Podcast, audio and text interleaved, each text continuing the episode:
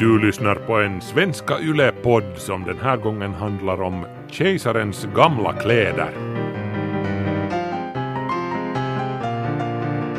I USA förtjänar toppchefer 347 gånger så mycket som en medelinkomsttagare och motsvarande siffra i Storbritannien är ungefär 129, så där tar det några dagar innan toppchefen har tjänat lika mycket som medelinkomsttagaren under ett år. Och de här Ehm, det finns risk för att överdimensionerade bonussystem gör chefer kortsiktiga och det här kan bromsa hela den ekonomiska utvecklingen och håller vanliga löntagares löner ner. Det hävdar den brittiska samhällsdebattören Deborah Hargreaves som vi ska tala om idag. Men först så måste vi ju, vi är ju en civiliserad podd och en kulturell podd, Markus. Vi börjar med redan de gamla grekerna. Redan de gamla grekerna, jo. Samtidigt är jag lite rädd för att, att ta upp det här nu för, för, för jag känner ju lite att vi kanske späder på den, det här elitföraktet och det här allmänna den här allmänna misstron mot auktoriteter som finns i samhället just nu. För det, för det, går, det har visat sig under historiens gång att,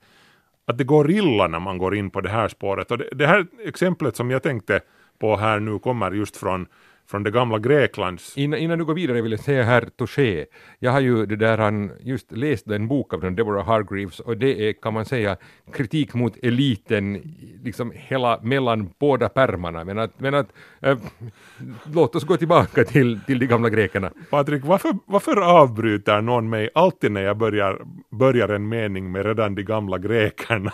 Det är ofattbart Marcus, jag förstår inte hur det kan vara sådär, det är ju, det är lika bra varje gång. Um, utom då det är dåligt förstås. Men uh, ja, nej, alltså jag, jag kom att tänka på här medan vi åt lunch och, och snackade om det här att, att det, det, det är farligt det här när, när cheferna blir lite för stora för, för sitt eget bästa och får lite för mycket lön och lite för mycket uh, det här makt och lite för mycket av, av allting.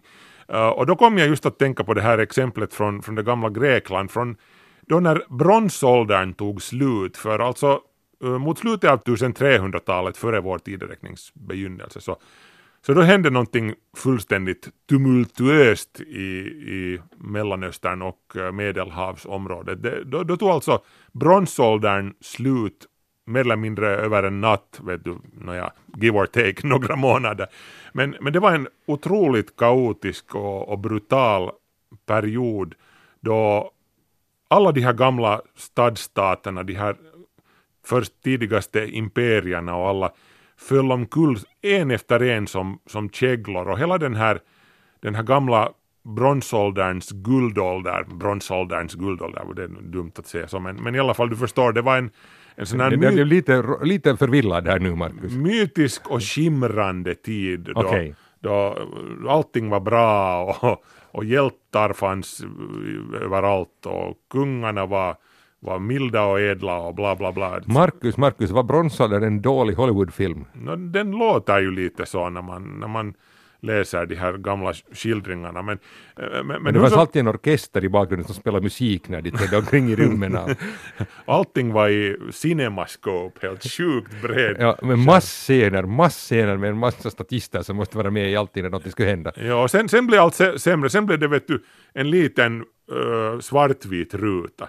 Där ser man, vet du, har du sett en gammal uh, Hollywood spektakelfilm om, om från det forna Grekland det är ju i sån här superbred cinemaskop med klara gnistrande färger. Och sen, sen går allting åt helsike och då blir det en liten svartvit tv-ruta och Charlie Chaplin som, som har roligt och, och, på, och det där så vidare. Ja, där ser man hur det förföll. Men det förföll, ja. Alltså det, städer brann, imperier rasade och, och det, det berodde delvis på att klimatet vände mot det sämre. Det blev torrare, det blev mycket torrare, det blev brist på föda och sånt brukar utlösa det där krig och elände och folkvandringar, vilket också skedde nu. Men, men det hände en annan sak också, eller två saker hände parallellt. Järnet steg upp som en ersättare vet du, till brons, bronset som hade varit det här eh, weapon of choice under flera, egentligen tusentals år så hade, hade brons varit det som eh, gällde och, och nu kommer järnet plötsligt Uh, och varför blir järnet vanligt just nu? No, vet du, järn finns mer eller mindre överallt, det är lätt att utvinna och lätt att smida till eh, diverse verktyg och, och framförallt vapen. Brons däremot hade eliten kört med. Vet du, eliten i de här gamla grekiska rikena hade mm, sina elitsoldater som, som alla var försedda med skinande blanka bronsvapen och, och det, det här var liksom deras uh, hörnsten för makten som de, de hade. De hade vassa fina skinande bronsvapen som inte pöbeln hade. Men nu hittar pöbeln plötsligt järn liggandes i knutarna och smider uh, svärd åt sig av det och, och så kullkastar de uh, makten. Vet du. De, så brinner städerna och så är det slut på, på bronsåldern. Den sena bronsålderns kollaps talar man om. Och, och det var ju liksom, jag vet inte vad vi ska jämföra det med idag. Är det, eh, vad är liksom motsvarigheten till järnet som pöbeln tar till idag för att eh, hacka ner de här gamla maktstrukturerna? Är det, är det sociala medier eller någonting som... No, alltså, det här är ju mycket intressant. Eh, det är ju, man har ju talat om de sociala mediernas betydelse till exempel då i Brexitomröstningen eller i valet av Donald Trump. Och nu när jag då har läst den här boken av Deborah Hargreaves, den har nyligen kommit ut i England och den heter Our Chief Executives Overpaid. Där talar man just om eliten. Där är, det finns ju mycket elit men, men den här tittar av en speciell orsak på just toppchefer inom företagen, för att där finns två problem som hon ser. Men om vi först tittar allmänt, så det här gäller hela eliten, nämligen där, så, så säger hon att, att England är fruktansvärt, och hela Storbritannien, fruktansvärt tudelat både socialt och geografiskt. Har det inte alltid varit det då? Jo, men, men äh, inkomstskillnaderna har ökat ändå under en lång tid nu i många år. Och, och, man kan se liksom att de här siffrorna som jag sa i början, att då en toppchef tjänar 129 gånger mera än en vanlig medelinkomsttagare. Vi talar alltså inte ens nu om låginkomsttagare utan om medellönen. Så det här har lett till liksom stor uppgivenhet och en misstro mot makthavare. Att det finns exempel på att när den här Brexit diskussionen att vad ska man nu rösta, så var det någon ekonomiprofessor som åkte omkring i norra England och försökte förklara åt folk att, att se nu att om vi går ut ur EU så kommer hela Storbritannien att drabbas, hela ekonomin drabbas, bruttonationalprodukten kommer att gå ner, det vill säga Gross Domestic Product som den heter på engelska, GDP. Och då var det en äldre dam i publiken som sammanfattade allas känslor med att säga It is your bloody GDP, not ours. Det, vill säga, det är er förbaskade bruttonationalprodukt, inte vår. Och, och det här liksom är den uppfattning som vanliga människor har för att när bruttonationalprodukten har ökat i Storbritannien så har det ju sett ut som att allt går bara till eliten, att vanliga människors köpkraft har inte utvecklats länge och det har skapat en sån stor bitterhet. Det här betonar Deborah Hargreaves väldigt mycket. Hon säger att det här är hela huvudorsaken till Brexit, att folk vill så att säga hämnas på makthavarna och på eliten. No, men så där var det ju säkert också när bronsåldern tog slut, vet du, pöbeln som hade smitt järnsvärd åt sig sa att här det är er jäkla högkultur, att ni kan, ni kan hålla den bäst ni vill. Och sen, sen föll ju allting samman och alla blev helt sjukt mycket fattigare. De här så kallade mörka seklarna som följde efter det här i Grekland. Så det, vi har ju nästan inga arkeologiska fynd kvar. För allting, man, man gick från stenbyggen till, till träbyggen och det finns liksom lite keramik kvar från den tiden. Och, och that's it.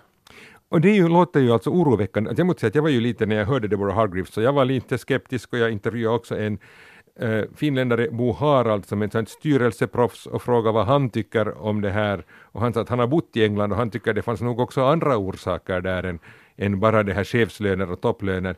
Men, men när jag försökte ställa den här frågan till Deborah Hargreaves så tappade hon nästan andan och sa att, liksom, att det där är, vi, vi, förstår ingenting här i Finland, vi har inte sett debatten i, i Storbritannien, att det är faktiskt det här det handlar om. Och allt annat de talar om det är liksom en del av det här, när man talar om att de har röstat mot då invandrare och arbetskraft. Så, så det är liksom något som folk röstar emot därför för att de här invandrarna ses som billig arbetskraft som eliten utnyttjar för att då mm. liksom hålla vanliga britter på en låg inkomstnivå. Men, men det där alltså, England har ju alltid haft sina grevar och baroner och, och för att inte tala om kungar som har varit mäkta impopulära tidvis, så, så är nu liksom cheferna då den moderna motsvarigheten till de gamla grevarna och baronerna och hade liksom skett en sån där No, det här är ju svårt att säga, men låt oss bara för, liksom argumentera en stund för att vi säger ja. Det, här är ju, det tycker jag vi gör. Ja, det, är liksom, det, det, var väldigt, vi ska se om vi klarar av att, att underbygga det på något vis. Nej, men vi ser ju, det är ju ganska intressant tycker jag att vi har liksom då en annan sak som då eh, förstås folk då frågar sig här, folk går till jobbet varje dag och kämpar hårt och, och får, har svårt att liksom få pengarna att räcka till och, och, och få det liksom klara sig i Storbritannien. Och sen, åtminstone den här upplevelsen som de har. Mm. Och sen tittar de på chefen och inte nog med att chefen får en jättebra lön för att göra det här jobbet som då förstås är krävande. Chefen är en galjonsfigur och chefen har ett stort ansvar och så här i ett bolag. Men dessutom så ska chefen få optioner, alltså tilläggsbelöningar, olika tilläggs, bara för att liksom orka göra sitt jobb bra. Och vanliga människor måste ju klara av att göra sitt jobb bra, orka göra sitt jobb bra fast det inte kommer några tilläggspengar. Så man är ju så här liksom, det skapar en konstig bild av att, att, att hur, hur ska det här liksom alls, alls vara? Men, men då säger Deborah Hargreaves att vi är liksom helt fångna i en bild av att en chef är liksom så värdefull. Hon säger att, att vi har en uppfattning om chefens roll som är helt utan något som helst proportioner. Mm. Jo, chefen är viktig, men inte kan en chef vara värd 129 medellöner. Eller som då i USA är nummer 347 medellöner. Men nu, nu är det ju inte chefen vi betalar för då när vi uh, hostar upp sådan, sådana där summor, utan det, det är inte liksom till den där individen som, som sitter där i den där kostymen som vi betalar de här pengarna, utan det, det, vi betalar för märket, för brandet chef, på samma sätt som vi betalar en större summa för ett visst eh, premiumbilmärke från Tyskland när vi kunde köpa ett, ett lite billigare bilmärke från Japan som är, som är lika bra eller bättre men vet du, för halva summan. Chef, du, du betalar för, för liksom det, den där statusen som kommer med en chef. Ja, men nu ser vi ju att det här köper då inte alla. Men samtidigt måste man säga alltså att det är ju inte folk i allmänhet som avlönar toppchefer. Utan de som avlönar toppchefer är bolagens styrelser och de här eh, lönenivåerna förhandlas dessutom fram i skilda kommittéer som funderar på att hur mycket ska man nu betala chefen och vad lönar sig. Och, och, och de har ju ofta en tanke att man måste betala tillräckligt för att få chefen att hållas. Det är liksom viktigt att ett bolag om man har liksom svårt att konkurrera med konkurrenter och ska kämpa och hålla på, att man inte liksom plötsligt blir av med sin VD sådär i misstag. Så man vill betala tillräckligt mycket. Och så ser man att det finns jätteont om jättebra chefer. Och att världen nu, det här talar också Bo Harald om, att världen förändras så jättesnabbt nu att osäkerheten är större än förut och förändringstakten är snabbare än tidigare. Och det är jättesvårt att hitta chefer som är bra och som kan hålla huvudet kallt i den här svåra utvecklingen. Och då tänker man att de tänker att Jo, vi, vi, behöver den här chefen, vi behöver den här Mercedes-chefen som, som liksom, det, det, då liksom faktiskt leder det här bolaget och, och det behöver inte övertyga liksom folkets breda lager utan det, det, är de här aktieägarna och styrelserna som ska vara övertygade om det här. Men det där är ju sånt gammalt aristokratiskt tänkande igen, som om det skulle finnas 15 goda chefer i hela landet. Det är ju, det är ju strunt det där. Det, det finns ju massor med bra chefer. De, de måste bara få stiga upp från från de här breda lagren och få sin chans. Det är ju därför som Finland har blivit så framgångsrikt som samhälle, för att vi, vi har jämnat ut spelplanen så att säga, att vem som helst kan, från oberoende av bakgrunden, så kan du eh, komma fram och, och få, det, få din chans att stiga upp i, genom leden. Så att säga. Och det där är ju jättesant. Och det är ju också så att man kan ju tänka att det skulle vara mycket bättre att ta någon från det egna bolaget och lyfta upp den som chef istället för att köpa någon chef någon annanstans ifrån. För att då vet man åtminstone att den där chefen förstår någonting av den bransch som man är i. Mm. Men sen å andra sidan så uh, den här aktieägarna eller styrelserna ställs inför valet att ska de satsa på ett oprövat kort från de egna lederna eller någon annanstans ifrån som redan har bevisat i ett annat företag att den faktiskt är en bra chef som kan åstadkomma förändring och, och kan liksom klara av att få med sig de anställda och allt vad det kräver. Och i det valet så visade det ju sig att väldigt många ändå tycker att, att fast den här chefen utifrån är dyrare så, så det lönar sig nog att betala de där pengarna för att då får man ett säkrare kort. Men, men ännu, jag måste försöka ta ner det här på, på gammal Grekland-nivå ännu. Tänk, tänk en, en, en galär med en massa roddare. Varför betalar man så helsikes mycket på, på förhand åt, åt kaptenen medan Eh, roddarslaven vet du får en morot hängande om ens det framför näsan där och hålls svältande. Det, det anses alltid vara bra för en donare eller för en, en slav eller för en vad som helst att vara lite hungrig. Vet du, är man hungrig så presterar man. Ung hungrig konstnär till exempel, det är ju en sån här gammal myt. Ja, helst olycklig också, det är ja, jättebra. Precis. Ja, ja, man ska ju vara mi miserabel och svälta. Och, men det här gäller inte för chefer av någon orsak. Alltså det här är jättefascinerande tycker jag egentligen. För samtidigt så alltså, vi ser ju då att genom historien så finns det någon grupp av människor som alltid har lyckats övertyga andra om att deras insats är så viktig att de måste få hemskt mycket mera pengar än vanliga människor. Det må vara faraon i gamla Egypten eller då kungar i gamla Grekland mm. och, och, så vidare och, och, eh, genom hela historien. Ja men de, har de hade ju på den tiden Gud, vet du, farao var tjommis med Gud, han var utsedd av Gud och alla våra kungar här i Europa har ju också varit kungar av Guds nåde. De har ju fått sitt mandat från, från den osynliga killen i skyn.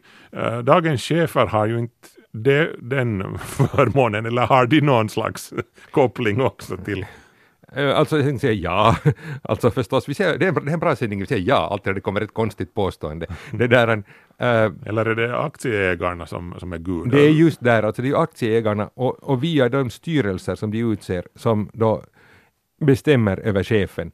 Så, så att eh, man är alltså då chef av styrelsens nåde, kanske inte av Guds nåde, eller om det nu finns då hur man ser på det. Jag tycker det är lite intressant för att om de här gamla kungarna så skulle ha talat med Gud mera, man skulle kunna föra en diskussion med sin, på samma sätt som jag menar en styrelse kan kalla till sig sin VD och diskutera lite att hur, hur fixar du det här nu att, att nu, nu lyfter du då så här många gånger en vanlig medellön i lön och vi skulle vilja se det här och det här hända och det, så här kan du göra men, men vi vet ju inte liksom har ju inte sett många kungar under historien som ska ha fått en kallelse från Gud att nu vet du nu vill jag prata lite med dig just personligen för du är kung av Guds nåde och styr i mitt namn. Och nu vill jag, har du läst det här om Bibeln att Jesus var fattig och, och att man inte skulle liksom uh, ha för mycket pengar och att det är liksom svårare för en rik man att komma till himlen än för en kamel att gå igenom ett nålsöga. Läste du de här? Ja, jag trodde de redigerade bort det där redan.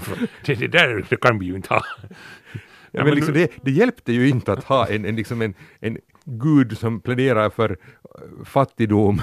För, för ändå så liksom lyckades de här eh, kungarna på något vis trumfa igenom att nej men så jag regerar i Guds namn och då, då ska jag få alla de här rikedomarna. Det, mm. det, liksom, det är viktigt. Mm. På sätt och vis var ju kungen en slags samhällets anställd i alla fall, alltså när man tänker på beskattningen, alltså vanliga människor Eh, betalar ju i princip kungen och adelsmännen för att de skulle tillhandahålla ett försvar. Mm. Men på något vis så, så, kan man ju fråga sig så här i efterskott när man ser på Versailles och andra små byggnader som, som de byggde när folket hade det dåligt, att gick den här ändå riktigt rätt den här liksom summan? Alltså var, det, var, den, var den helt i proportion med de tjänster som kungen tillhandahöll till folket eller, eller gick det kanske så att det det liksom slirar lite där. Och, och, då kan man om, om man nu talar som Deborah Hargreaves så kan man titta på dagens chefslöner och fråga att, att är, är det riktigt i proportion att 347 medellöner, att, att, att bra att, att chefen är viktig och, och säkert ska chefen få mera än en medellön, det är alldeles klart, men är det riktigt så här mycket? Men att mm. nu har då aktieägarna tagit då, så att säga, Guds roll i det här, men, men om Gud är allsmäktig så, så jag tror att den vanliga aktieägaren upplever sig nog inte så.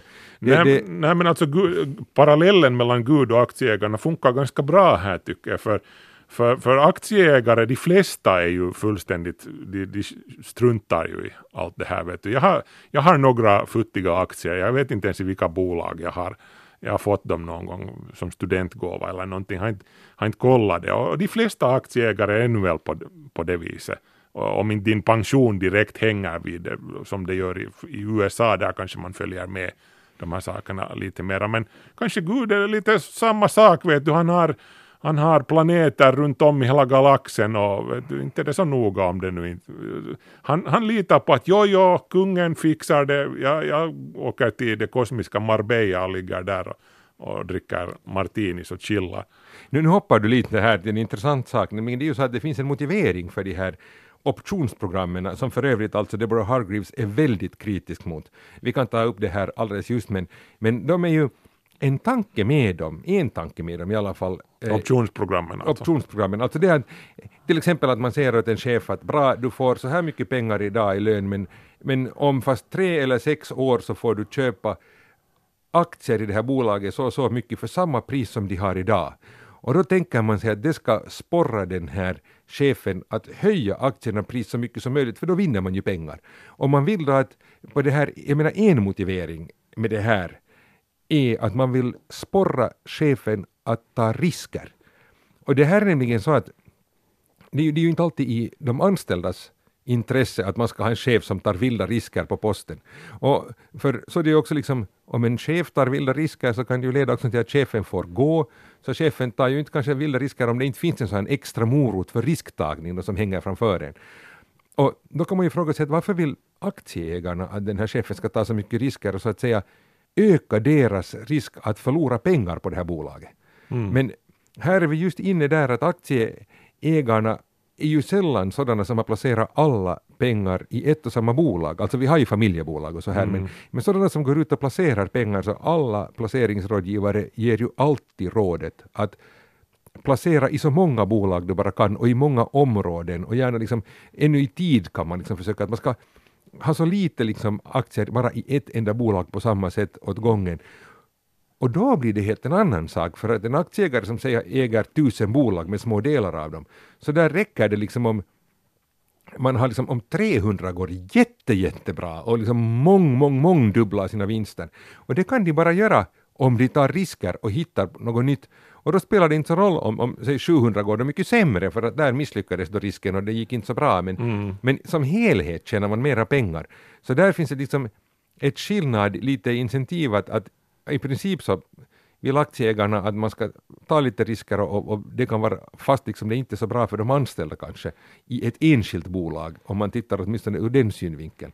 Utan man ska liksom så att säga satsa på dem som kommer att vara framgångsrika. Och när du nu plockar in Gud i det här mm. och ser Gud som en skapare som skapar hela universum så sa du plötsligt att, att Gud kan låta kungen ta lite risker i sitt rike och, och, och det kan gå åt fanders för, för det finns flera riken och det finns till och med flera planeter och flera planeter som man, där man kan leva. Men, men det här är ju å andra sidan, det är ju inte den bilden som ges oss i Bibeln riktigt nej, om man men, ser på det sättet. Nej, men kan man ju skriva in hela galaxens manual i en och samma bok, vet du. Det räcker med att det här gänget där i Mellanöstern får, får de här basic facts om det som berör dem. Det som händer i i Alpha Centauri så det, det, det, spelar ju ingen roll för dem. Vet du. Need to know basis.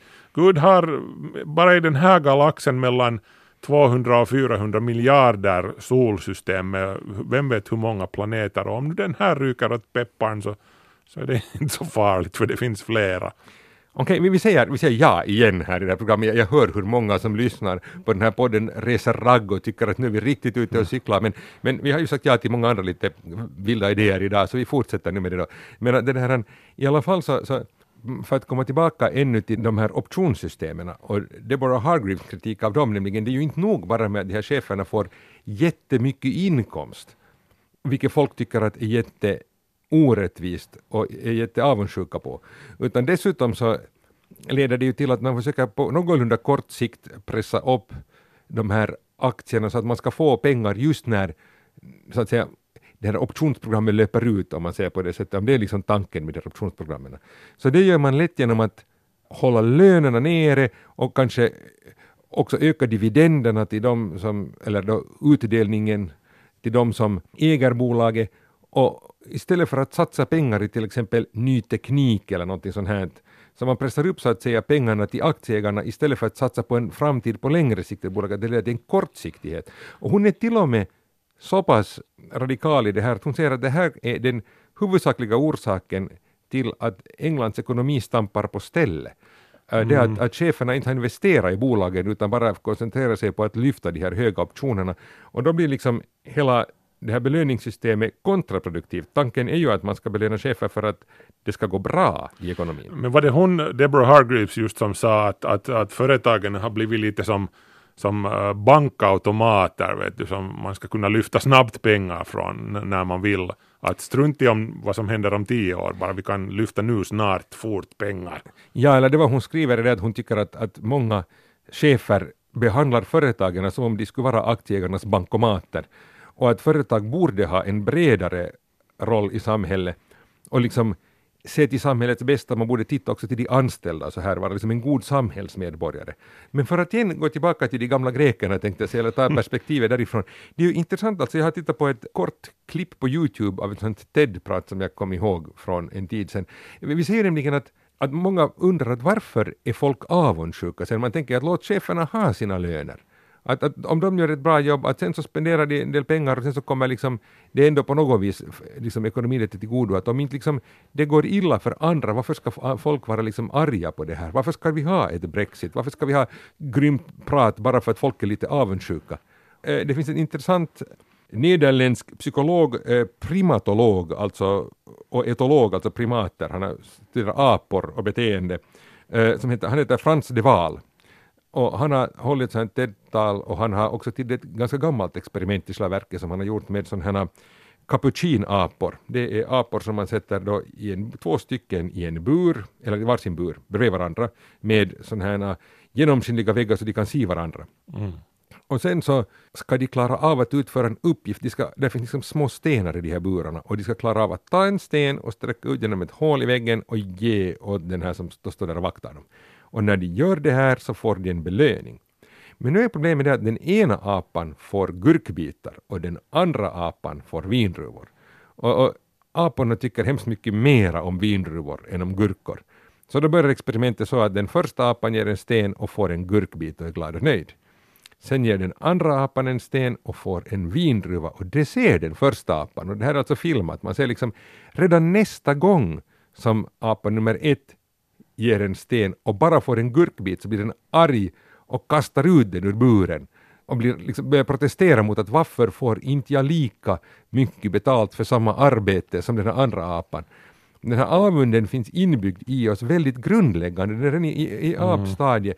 Så jag är ändå liksom förundrad, hur är det så att det genom historien är jag menar först i gamla Mesopotamien överstepräster och sen liksom kungar i gamla Grekland och sen kungar under medeltiden och, och ända fram liksom till första världskriget och, och, och sen kanske då idag toppchefer, att det alltid finns någon grupp som trots den här jätteväl dokumenterade avunden kan på något vis hänvisa till, då, som du sa, symbolvärde eller någonting mm. och säga att, att man ska liksom få så mycket pengar att man har väldigt radikalt mycket mer resurser än mm. Den stora majoriteten. Det, det är en, ja. en jättespännande sak. Det är spännande och det sitter ju nog på, på något vis säkert i oss från evolutionen alltså. Uh, vi är auktoritära innerst inne kanske. Vi, vi, vi har den här drömmen om den starka ledaren. Vi ser upp till chefer för de, vi projicerar allt det goda på dem på något vis och så, så blir vi sen ibland besvikna och så kullkastar vi dem. Och, och, och halshuggar dem lite eller någonting. ja, precis. Men, men vi måste ha den där flockledaren, den där äh, alfa-apan som, som leder oss. Och, ja. Uppenbarligen, för jag menar, bara som en parentes, om vi tittar på Sovjetunionen så, som skulle vara så jättejämställt och kommunistiskt och så här, så de klarar ju alls inte av att ta något avstamp från det här, tvärtom. Man såg ju där att, att de här högsta ledarna i Sovjetunionen var också upphöjda och hyllade och, och använde, gjorde propaganda förstås också för att främja det här själv, men det är ju förstås, har ju ledare alltid gjort, men det, liksom, det var ingen skillnad där, inte hjälpte det någonting. Nej, och där, där föll de ju från en hög höjd sen, alltså när, när kejsaren till slut befanns vara naken, vilket han ju var hela tiden om vi använder den där gamla sagan som analogi här. Så, och, och det finns ju en risk att det går också så för för, för vår det här västerländska marknadsekonomi om, om cheferna tillåts växa till sådana här, till sådana här proportioner. Ja, alltså det här ehm, att sporta med revolutioner och sånt här, och, som vi ju ser då en stor bitterhet också i USA och i, i Storbritannien för tillfället, så som, jag menar det är ju inte det här att bara i protest rösta ut ett land från EU till exempel eller så vidare eller bara i protest rösta fram en, en president som omvärlden har väldigt svårt att på något vis se något vettigt i. Det är ju inte alldeles riskfritt. Nej, det, det, det är alltid någon som får ont någonstans. Men är vi nu, inte vet jag, är vi dömda till det här? Eh, Liksom, man skulle ju tycka att nu med, med styrelser och annat i dagens värld så, så, så borde vi liksom på något vis ha, vi borde komma ifrån det, men, men, men tills vidare så, så verkar det ju vara en sån här eh, trend som går genom historien, att vi har inte liksom ännu riktigt kommit åt det här. Ja, vet du vad som kommer att lösa allt det här? No. Sen när vi får en artificiell intelligens, en stor superdator som styr över världen med hård men rättvis hand. För första gången, Markus, i den här sändningen, i den här podden, nej.